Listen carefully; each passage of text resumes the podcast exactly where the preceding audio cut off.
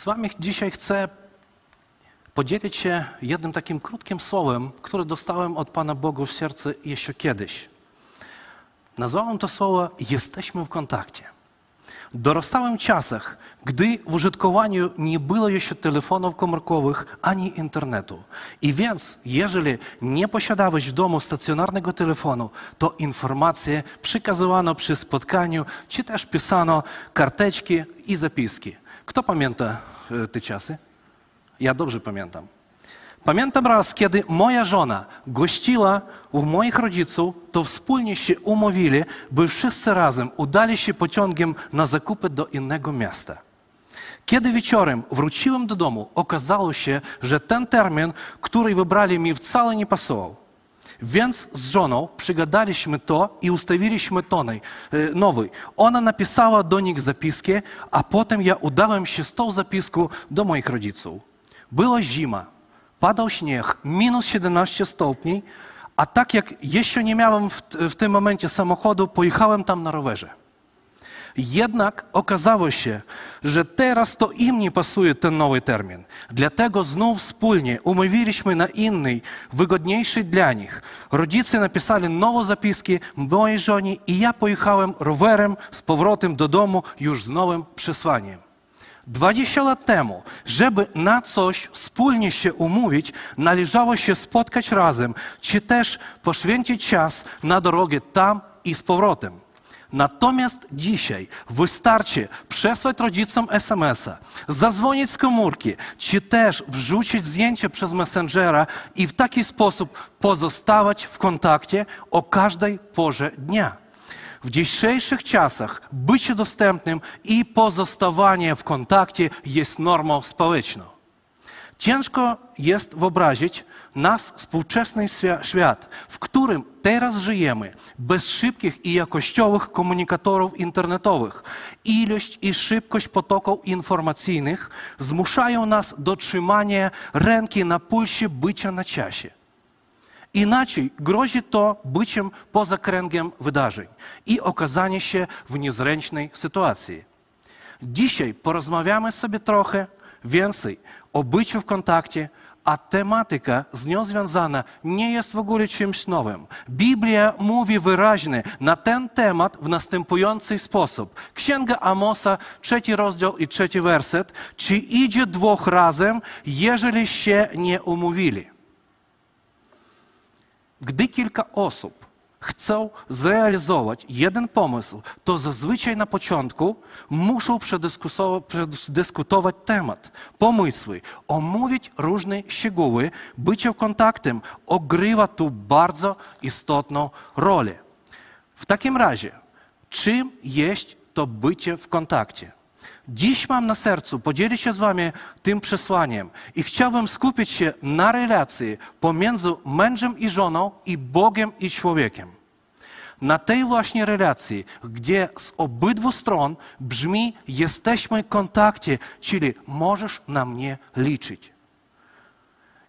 Tu nie chodzi tylko i wyłącznie o posiadaniu instrumentów do utrzymywania kontaktu, na przykład telefon albo internet.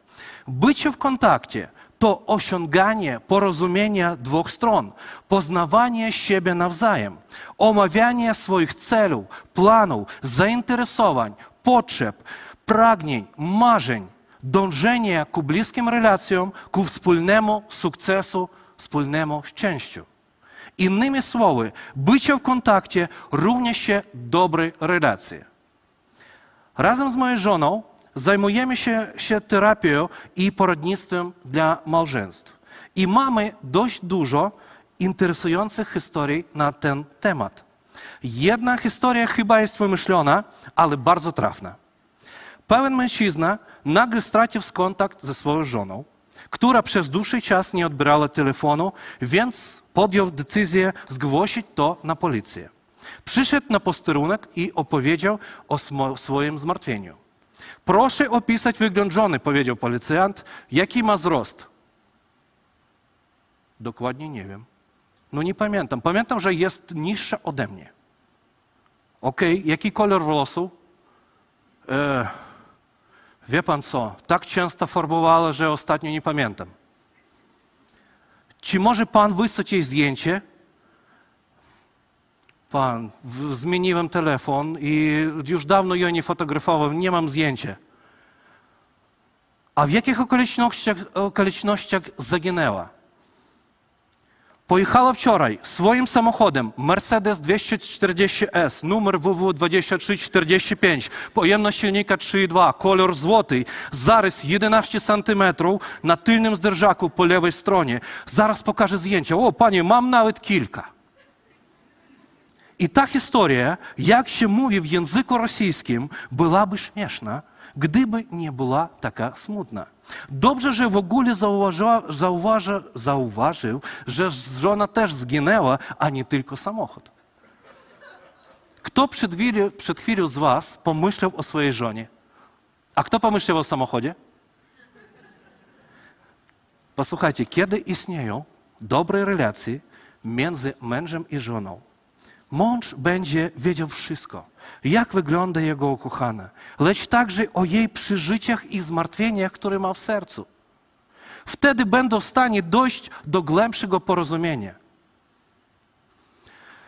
Gdy jadę nową lub nieznaną trasą, często korzystam z nawigatora, jak wszyscy my, prawda? I było tak, że pewnego razu włączyłem go, ruszyłem drogę i byłem tak pogrążony w myślach, że nie zauważyłem i nie usłyszałem, że musiałem skręcić. Więc musiałem przejechać o kilkadziesiąt kilometrów więcej. Nie doszliśmy z nawigatorem do porozumienia. Pomyślałem sobie, jak bardzo łatwo jest oderwać się od głównej rzeczy i zacząć marzyć o czymś innym. Dać się ponieść swoim myślom, pomysłom, pragnieniom i różnym impulsom. Na przykład zadrapaniami na zderzaku. Kto, kto nadal o nich myśli? Wydaje się, że postęp technologiczny ułatwił i poprawił relacje między ludźmi. Ale czy relacje w rodzinie stały się cieplejsze i milsze? Czy żony mogą powiedzieć, że mężowie ich słyszą i rozumieją ich potrzeby i dbają o to, aby byli szczęśliwi? Czy mężowie mogą powiedzieć, że są blisko swoich żon, że zyskują szacunek i wdzięczność? Czy nastolatki mogą powiedzieć, że są blisko swoich rodziców i że rodzice ich słyszą, rozumieją ich potrzeby? Czy można powiedzieć, że ludzie stali szczęśliwsi i osiągają maksymalne porozumienie? Wydaje się mi, że jest na odwrót. Jest więcej kłótni, a cześć jeszcze jest bardziej zniekształcona. Ciągły przepływ informacji i ciśnienie że ze wszystkich stron odwracają uwagę od najważniejszych rzeczy. Jak czytaliśmy na początku, czy idzie dwóch razem, jeżeli się nie umówili. Trochę statystyki. Wiadomo, że podczas przekazywania informacji werbalnie za pomocą słów osoba postrzega tylko 7%. Reszta informacji jest przekazywana w sposób niewerbalny, czyli ton i intonacja głosu to wynosi 30%. A nieco ponad 60% informacji osoba otrzymuje poprzez spojrzenie, mimikę, gesty i pozy. Ponadto każda osoba ma swój filtr wiedzy, przeżycia, przekonanie, traumatyczne doświadczenie, które usuwają większość informacji, zniekształcują ją lub odrzucają. Okazuje się, że nie jest tak łatwo przekazywać informacje, jakby my sobie chcieli. Wszystko trzeba wyjaśniać, zadawać wiele pytań i dążyć do porozumienia. Jeśli spojrzymy na kogoś zakochanego, to łatwo jest zauważyć, że takie osoby mogą spędzać ze sobą godziny na rozmowach, spacerach, nawiązywaniu dobrych relacji. Dla nich nic nie istnieje. Myślą tylko o byciu razem i cały czas rozmawiają między sobą nawzajem i są pewni, że absolutnie pasują do siebie. Kiedy para przychodzi do nas z żoną na pierwsze spotkania przedmałżeńskie, bardzo często mówią: Jesteśmy tacy sami, mamy ten sam gust, mamy takie same charaktery i będziemy darzyć siebie nawzajem miłością, dopóki śmierć nas nie rozłączy. Nie będziemy w ogóle nigdy mieć problemów jak inni. Dobrze im razem, tak? Nie pozwalają sobie nawet na myśli o zerwaniu. Kochająca para łapie każde słowo i spełnia życzenie obydwu. Nawet jeżeli kłócą się, nie rozumieją się nawzajem, szybko się dogadują i próbują się zgodzić. Dlaczego? Bo mają bliski kontakt, bo się cenią. Co się dzieje po ślubie? Próżność, obowiązki domowe, praca skracają czas na dobre relacje. Rozmowy sprowadzają się do omawiania problemów domowych. Kto dokona zakupów, kto dzisiaj wyniesie śmieci i tak dalej. Urazy, nieporozumienia spowodowane przez brak dobrego kontaktu rosną między mężem i żoną. Skupienie się na nieporozumieniach ma wpływ na inne dziedziny naszego życia. Miłość ochładza się, a bliskość i zainteresowanie sobą gubią się. Oboje czują się obcy i odchodzą, ubiegają się o rozwód. Zapominając o obietnicach, chorobie i zdrowiu, bogactwie i ubóstwie, smutku i radości, dopóki śmierć nas nie rozłączy. Według danych Głównego Urzędu Statystycznego e, najczęstsza przyczyna rozwodu jest niedopasowanie charakteru. Głos opiera się na tym, co zgłaszają pary podczas rozwodu. Jednak doradzając małżeństwom coraz częściej zauważam, że to jednak nie jest problem numer jeden. W rzeczywistości najczęściej przyczyna rozwodu jest zaniżenie poczucia wartości przez nieporozumienie. Krok po kroku i dzień po dniu brak porozumienia prowadzi do trudności bycia w kontakcie, pary się nie dogadują i osądzają. Nieporozumienie często prowadzi do szukania odpowiedzi na pytanie, kto jest winny. Poczucie winy prowadzi do autoagresji. Częściej pojawia się zarzuty nawet bezpodstawne. A jeśli para poprosi o pomoc na czas, to staramy się jej pokazać istotne, istoty problemu.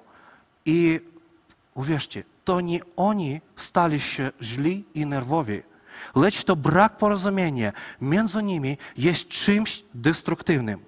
Nadal mają przyjaciół, są doceniani i szanowani w pracy, nadal chcą być razem, ale ich serca jest wypełnione żalem, goryczą, bólem, rozczarowaniem i nieufnością. A kiedy serce nie wytrzymuje bólu, usta zaczynają mówić. Uzdrawiając serce i myśli, ucząc się ponownie komunikować ze sobą nawzajem, w pozycji szacunku, związek małżeński może się zregenerować i się odnowić. Tylko po podjęciu wspólnego wysiłku para ponownie otwiera się nawzajem miłość, wdzięczność, szacunek, akceptacja i przebaczenie. Rytm życia może się nie zmienić. Praca i życie codziennie pozostaną na swoim miejscu, ale pojawia się cenny czas na to, by dostrzegać sobie wartość, zatrzymać się i porozmawiać, zapytać, rozważyć, spojrzeć w serce, zachować bliskich ducha, duszy i ciała. I jak dzisiaj mówiliśmy kilka razy już, ci idę dwóch razem, jeżeli się nie umówili. Dobra komunikacja międzyludzka równa się relacja. Relacja to zawsze wspólne działanie, dążenie do porozumienia z obydwu stron. Nie tylko jednej osoby, ale i drugiej. Być bliskim i otwartym kontakcie ze sobą nie ma już pytania, kto jest winny. Uwaga, ale pytania, co z tym zrobimy? Być może kto teraz sobie myśli, dlaczego on tak entuzjastycznie wykorzystuje obraz małżeństwa? Dość proste. Ponieważ ten temat jest dla nas wszystkich bardzo bliski i zrozumiały. Na jego przykładzie możemy zrozumieć więź między Bogiem a człowiekiem. I w Nowym Testamencie apostoł Paweł mówi o relacji między Chrystusem i Kościołem, jak o relacji między Panem Młodym i oblubienicą. Pamiętasz ten moment, kiedy się nawróciłeś? Kiedy przeżywałeś pierwszą miłość do Boga, jak wtedy wyglądałeś? Promieniałeś radością i szczęściem. A co wtedy chciałeś zrobić? Jak to wyglądało? Mówiłeś non-stop o swoim Bogu, o wszy wszystkim i wszędzie, o swojej miłości do Niego, o uczuciu wdzięczności. Podziwiałeś Boga, szukałeś bliskiego kontaktu z Nim, spędzałeś godziny na modlitwie i na czytaniu Jego Słowa. Nie wyobrażałeś sobie życia bez Boga. Nie zwracałeś uwagi na zmęczenie i inne przyczyny. Szedłeś i szedłeś do kościoła przy każdej pogodzie. Amen? Byłeś i byłeś gotowa pokonać wszystkie trudności i głosić dobrą nowinę, nawet na krańcu ziemi. Ale czas sobie powoli mija, życie płynie. Przychodzą inne zmartwienia, zmartwienia od różnych stron. Skupienie się na relacji i bliskości z Bogiem przenosi nas na coś innego. Przestajesz rozumieć Boga i Jego słowa. On mówi, a ty nie słyszysz, ani nie rozumiesz. W sercu pojawia się smutek i rozczarowanie, bo Bóg przestaje odpowiadać Twoim nieuzasadnionym oczekiwaniom. Pozbawiasz wtedy wartości albo Boga, albo siebie. Pragnienie komunikowania się z Nim, chodzenia do kościoła znika. Wszystko staje się czymś obcym i niezrozumiałym. I zamykasz swoje serce.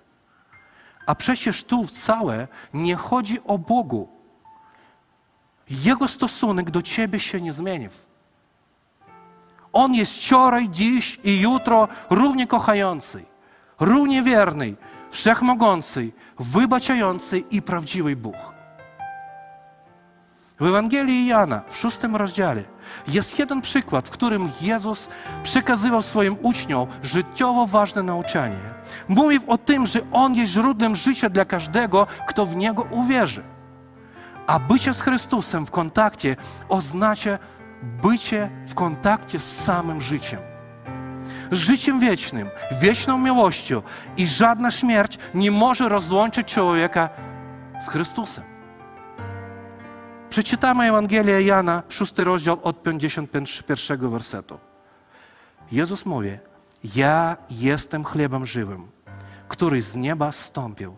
Jeśli ktoś spożywać będzie ten chleb, żyć będzie na wieki, a chleb, który ja dam, to, to ciało moje, które ja oddam za żywot świata. Wtedy sprzeczali się Żydzi między sobą, mówiąc, jak ten może dać nam swoje ciało do jedzenia.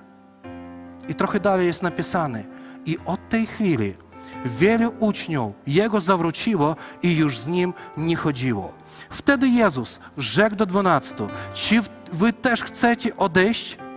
Odpowiedział mu Szymon Piotr, Panie, do kogo pójdziemy? Ty masz słowo żywota wiecznego, a myśmy uwierzyli i poznali, że Ty jesteś Chrystusem, Synem Boga żywego. Wielu uczniów opuściło Jezusa i nie zrozumiało Jego problemu. Przepraszam, Jego słów. Dlaczego? I jak nie zrozumieli Jego słów i zamiaru? zmniejszyli poczucie wartości Jezusa przez nieporozumienie Jego nauczanie. Dlaczego dwunastu zostało? Oni też nie zrozumieli Jego słów, ale chcieli być w kontakcie z Chrystusem, więc postanowili zostać, podpytać Go, o co chodziło, co miał na myśli. Cenność bycia w kontakcie z Jezusem stało sensem ich życia. Bardzo łatwo jest machnąć ręką, trzasnąć drzwiami, obrazić się i wyjść. Powiedzieć, że już tego nie rozumiem, nie chcę nic akceptować, nie chcę nic przyjmować i nie chcę przebaczać. Łatwiej jest po się poddać i zerwać kontakt. Łatwiej jest wsiąść do samochodu i zniknąć. Ale co mieli w sercu uczniowie, którzy powiedzieli – nie Jezus, nigdzie od Ciebie nie odejdziemy. Ty jesteś Bogiem, Ty masz słowo żywota wiecznego. A myśmy uwierzyli i poznali, że Ty jesteś Chrystusem, Syna, Synem Boga żywego. Uczniowie dostrzegali wartość Boga.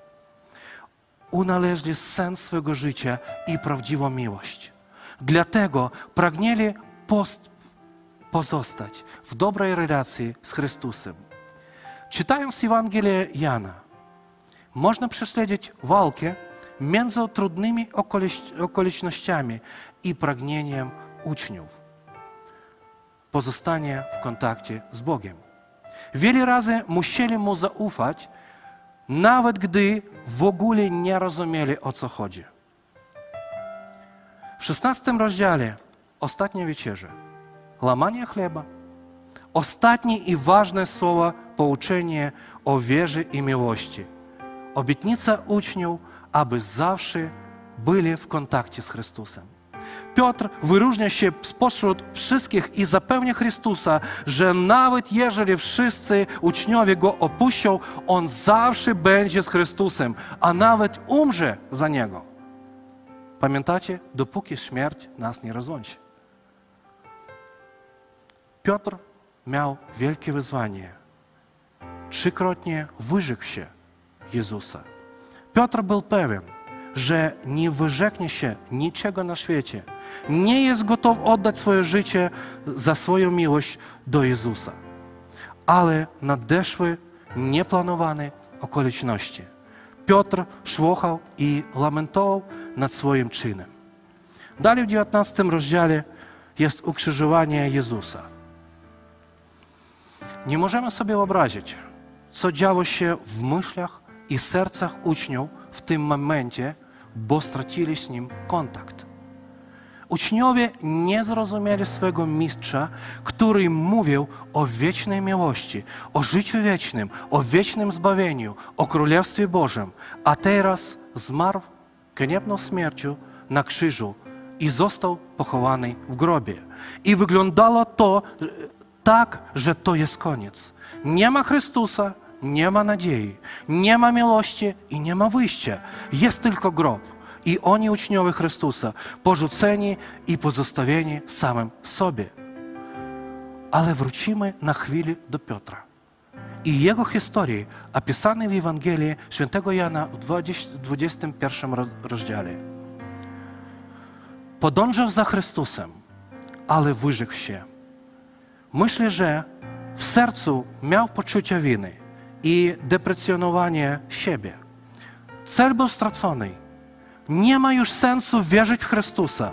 Przynajmniej tak sobie wyobrażam stan Szymona Piotra.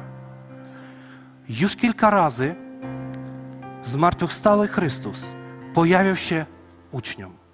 Ale ta wiadomość nie dotykała w ogóle serca Szymona. Nie przynosi mu radość, nie przynosi mu nadziei. Szymon postanawia zająć się starą sprawą łowieniem ryby. W Ewangelii Jana, w 21 rozdziale czytamy: Powiedział do nich Szymon Piotr: Idę łowić ryby. Rzekli mu: Pójdziemy i my z tobą. Wyszli więc i wszedli do łodzi, ale tej nocy nic nie złowili. Piotr idzie łowić ryby. Myśli o miłości i Bożym Królestwie i życiu wiecznym odeszły w przeszłość. Przed Szymonem Piotrem, jak on widzi, pozostała tylko taka rzeczywistość. Szara, nudna, beznadziejna, utracony kontakt z ukochanym nauczycielem. Szymon i siedmiu uczniów łowili ryby przez całą noc, ale nic nie złapali. Wódź, morze, ryba. Wszystko to przypominało Piotrowi pierwsze spotkanie z Chrystusem, gdy ujrzał w nich Syna żywego Boga. Chodzenie po wodzie, uciszenie burzy, dobre relacje z nauczycielem. To wszystko było. A co ma teraz? Podczas gdy podobnie myśli krążyli Piotrowie po głowie, zmartwychwstały Jezus czekał na spotkanie z Nim na brzegu. Przygotowywał dla Niego i pozostałych uczniów posiłek.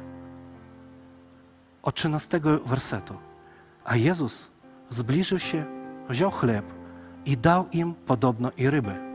Trzeci to już raz ukazał się Jezus uczniom swoim po wzbudzeniu z martwych. Gdy więc spożyli śniadanie, rzekł Jezus do Szymona Piotra, Szymonie, synu Jana, miłujesz mnie więcej niż ci? Rzekł mu, tak panie, ty wiesz, że cię miłuję. Rzecie mu, paś owieczki moje. Trzy razy Jezus zadał to pytanie, Piotr zasmucił się, że po raz trzeci zapytał go, czy mnie kochasz? I rzekł do niego, Panie, wiesz wszystko, wiesz, że Cię kocham. Jezus rzekł do niego, paś owcy moje. Piotr był zasmucony. On pamiętał wszystko. Pamiętał noc aresztowania Chrystusa. Co się teraz dzieje przy ognisku? Zmartwychwstała miłość. Sam Pan Jezus, mistrz, siada przy ognisku obok Piotra. Jedzą razem posiłek. Jezus dokładnie wie, co myśli Piotr i co czuje w swoim sercu. Chociaż Piotr trzykrotnie wyrzekł się Jezusa przy ognisku na dziedzińcu arcykapłana, to teraz przy ognisku mistrza wszystko da się naprawić. Piotr słyszy słowa Jezusa, intonację Jego głosu, widzi Jego spojrzenie, Jego gesty, Jego postawy. I Jezus go nie potępia. Jezus jego nie oskarża. On mówi Piotrowie, że ceni go i ufa mu, i że on stanie się pasterzem i przywódcą owiec Chrystusa. Jezus jako zmartwychwstała i wcielona miłość Boga dotyka serca Piotra, aby uwierzył, że miłość nie umiera Dalej jesteśmy w kontakcie i dalej może, możesz na mnie liczyć. Chcę, aby nasza więź się odnowiła, ale nasze relacje z Tobą się odrodziły. Chcę, żebyś przestał czuć się opuszczony i niepotrzebny. Jesteś dla mnie drogi i ważny. Nie zostawię Ci ani opuścię, bo kocham Ciebie. Tak mówi Bóg. A dziś to przesłanie miłości brzmi dla Ciebie i dla mnie. Jesteś drogi i ważny dla Boga. Tak mówi sam Pan Jezus. Podczas gdy źle myśli krążą Ci po głowie i chcesz pogodzić się z tym, że nie ma wyjścia, że miłość odeszła, Jezus przygotowuje dla Ciebie to, czego właśnie naprawdę potrzebujesz. Jesteś stworzony, stworzona na obraz i podobieństwo Boga. I Bóg jest zainteresowany relacjami z Tobą, dzieleniem się z sobą swoim życiem, mądrością, wiarą, nadzieją, miłością poprzez duchową więź z Tobą, siedząc obok Ciebie przy ognisku lub przy stole. Na pewno wie o wszystkim Twoich potrzebach Pan Jezus. Widzi, w czym walczysz sam sobie lub w rodzinie. Jesteś drogi i ważny dla Boga. On Cię nie opuści ani nie zostawi, bo On Cię kocha. I dzisiaj Bóg zwraca się do Ciebie poprzez swoje słowo. Zatrzymaj się. Zatrzymaj się. Teraz jest ten sam moment, kiedy Jezus oferuje Ci chleb życia. Chleb życia, czyli z siebie samego. Jezus oferuje bezwarunkową miłość. Skontaktuj się z Nim już teraz i porozmawiaj z Nim. Może wpadłeś w ślepy zaułek i w relacjach osobistych też masz problemy. Porozmawiaj o tym z Bogiem i z osobą, której ufasz. Może straciłeś kontakt z rodzicami, może ty i twoja żona stracili kontakt między sobą. Porozmawiajcie o tym z Bogiem, poproście o mądrość. On zawsze ma wspaniały plan dla każdego człowieka. Wierzę, że Jezus Chrystus przeszedł swoją drogę po to, byś Ty mógł dzisiaj mieć z Bogiem osobistą relację na każdym miejscu, w każdym czasie. Boży plan polega na tym, żebyś Ty i ja mieli z Nim bliskie relacje i pozostawali z Nim w stałym kontakcie. Jezus zaprasza Ciebie do dobrej relacji. Mówię do mnie i do Ciebie. Jesteśmy w kontakcie. mówi tak, że możesz na mnie liczyć.